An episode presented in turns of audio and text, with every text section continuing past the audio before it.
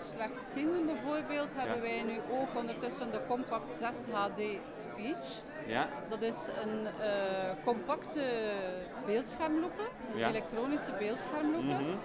Maar daar kun je dus ook eh, spraak op laten voorlezen. Ja. Dus je kunt eigenlijk een foto nemen van een stuk tekst, ja, van om wat, wat dan een krant is of een brief ehm, of de uren van de trein. ja. Eh, die neemt een foto, die scant meteen die foto met OCR, dus Ja, eh, tekstherkenning. tekstherkenning, en die leest dat dan ook voor.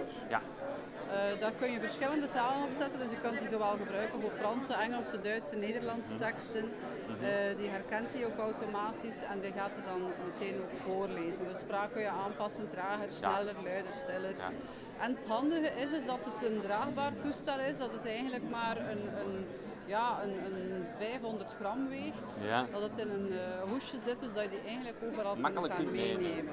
Ja. Oké. En, en kan je dan ook de, de tekst eh, op een USB-stick zetten? Of, of is het enkel gewoon om het te laten voorlezen? Met dat toestel is het enkel de bedoeling dat je het gewoon direct kunt laten voorlezen. Ah, dus niet dat je het gaat opslaan Nee. en dat je het bewaart. Je Ja. kunt het wel bewaren op het toestel, Zelf, maar om het niet- later nog een keer opnieuw te laten Ja. voorlezen, maar je kunt het niet overzetten op iets anders. Oké, oké. Dat is niet bedoeling. Goed. Dat was, Ja. hoe noemt het toestel juist? De HD? De Compact 6 HD Speech. Ja, en van, is dat Ja. van jullie? Of is Dat dat, is van ons, dat is ontwikkeld door Optilec zelf. Door Optelec zelf? Ja, Oké. inderdaad. En, en van andere toestellen voor slechtzienden? Of is dat zo wat voor een Ehm, wat dat wij eh, verbeterd hebben, is eigenlijk dan de grote loepen, dus de beeldschermloepen, de Clearview C. Ja. Daar is ook een Clearview C Speech van, dus ook weer met, Met de spraak spraakherkenning. Ja. Ehm, wat dat er daar verbeterd is, is eigenlijk het scherm.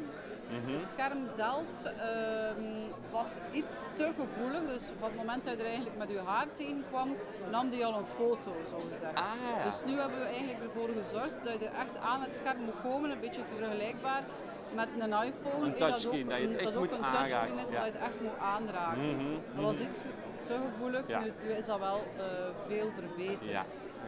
Eh, wat dat wij ook nieuw hebben in ons En, en dat, is, dat, ja, is dan, dat is dan wel een tafelmodel. dat is een tafelmodel. En, kan je daar Ja. dan wel de tekst gaan Ja. opslaan op, op een op. USB-stick? Ja, Of, ja, ja, inderdaad. Mhm. Eh, het werkt van twee kanten ook. Dus wat dat je kan doen, is je kan die tekst gaan opslaan eh, op het toestel zelf, waar er dan een SD-kaartje in zit.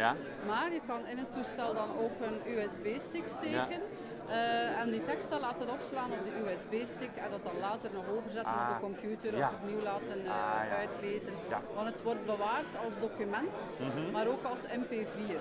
Ah ja, dus ook de, de geluidsbestanden. Voilà, ja. Oké. Dus dan kun je dat dan ook nog ergens anders gaan opslaan.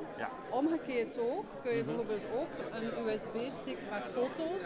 Ja. Bijvoorbeeld mensen die zeggen van ja, we willen toch ook de foto's een keer zien van de kleinkinderen of zo. Iemand die op reis is geweest. Eh, kun je dat USB-stickje dan ook in het toestel steken en dan de foto's bekijken Ja. op het grote scherm. Ja, ah, oké. Dat is wel mooi. Dat zo eh, in twee richtingen werkt. Voilà. Ja.